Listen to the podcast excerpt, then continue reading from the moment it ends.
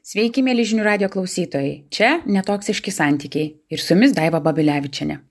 Šiandien labai norėčiau paliesti sudėtingų pokalbių su artimaisiais antrąją pusę temą. Kaip juos turėti?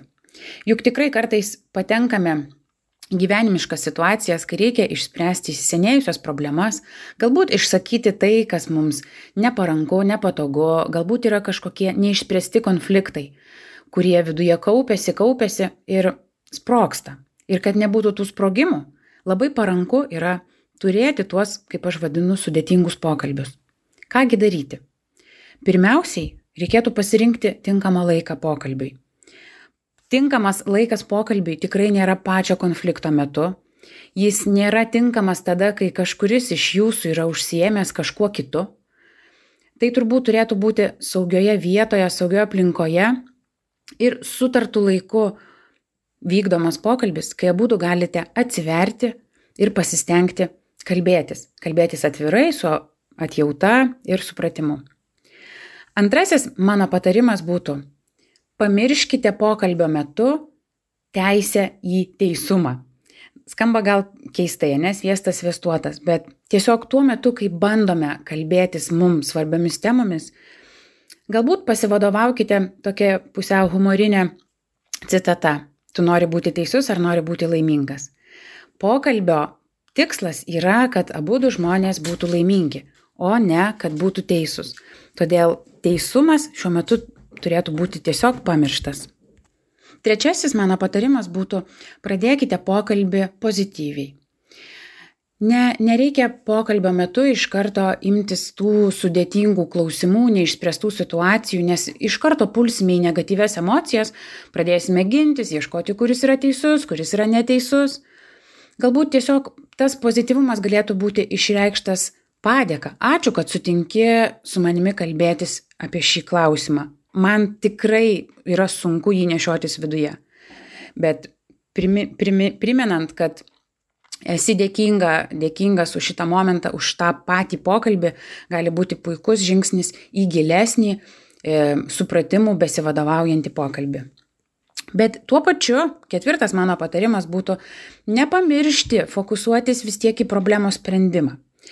Nes labai dažnai, kas nutinka, e, kalbant su artimaisiais arba su antrosiamis pusėmis, kad kai mes pradedame liesti skaudžią temą, vienas iš mūsų jos vengia, ir bando nukreipti temą arba išsisukinėti ir panašiai. Tada naudingiausia būtų tiesiog pasakyti, aš esu pasiruošusi apie tai kalbėti kitą dieną, bet mums tikrai reikia grįžti prie to klausimo, kuris man yra svarbus. Tai yra, sutinku kalbėti apie tą nukreiptą naują temą, kurią kelia jūsų antroji pusė ar artimasis, e, kitą dieną kalbėti, o šiandien kalbėkime būtent apie tai, kas man yra svarbu. Na ir aišku, kai jau tas pokalbis įsimesga, mano penktas patarimas būtų, kad kai jūsų artimasis ar antra pusė kalba, tiesiog klausykite. Nes klausimas yra tiesiog raktas, kad tie sunkus pokalbiai įveiktų, kad dalis bent problemų nebūtinai, kad būtų išspręstos, bet kad jos būtų įžodintos, įgarsintos.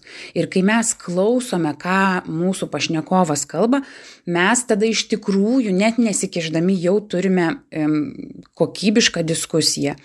Pasistengkite nepertraukinėti, nepradėkite galvoti, koks bus sekantis to žmogaus komentaras. E, tiesiog būkite ir girdėkite abiejomis ausimis ir prieš bandant kažką tai komentuoti, leiskite tam žmogui išsisakyti. Šeštasis mano patarimas būtų reflektuokite, ką girdite, net jeigu nesutinkate. Vėlgi, ne, pamirškite tą, kad čia reikia kažkam būti teis, teisiam.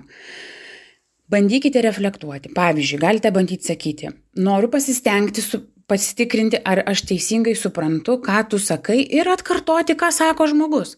Nes tikrai labai dažnai viena iš santykių problemų ir sudėtingų pokalbių nauja problema yra tai, kad mes ne, netidžiai galbūt girdime arba supratome visiškai kitaip, nes ir komunikuojame skirtingai ir tai sukelia dar tiesiog mums papildomai bereikalingų problemų. Septintasis mano patarimas būtų kaukitės sąžiningai. Kaukitės tai gal irgi toksai pusiau su humoru, bet ką aš turiu menį, kad kad produktyvius pokalbis būtų e, iš tikrųjų produktyvus ir duotų kažkokią naudą, pasistengkite nekaltinti vienas kito.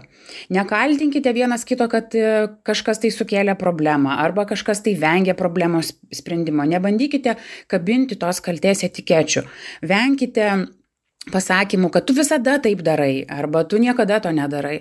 Nes kai pokalbio metu mes išgirstame tokias frazes, mes iš karto norime gintis ir mums nebepavyksta rasti konstruktyvių sprendimų. O tikslas sudėtingų pokalbių yra tam, kad mes rastume kažkokią tai išeitį.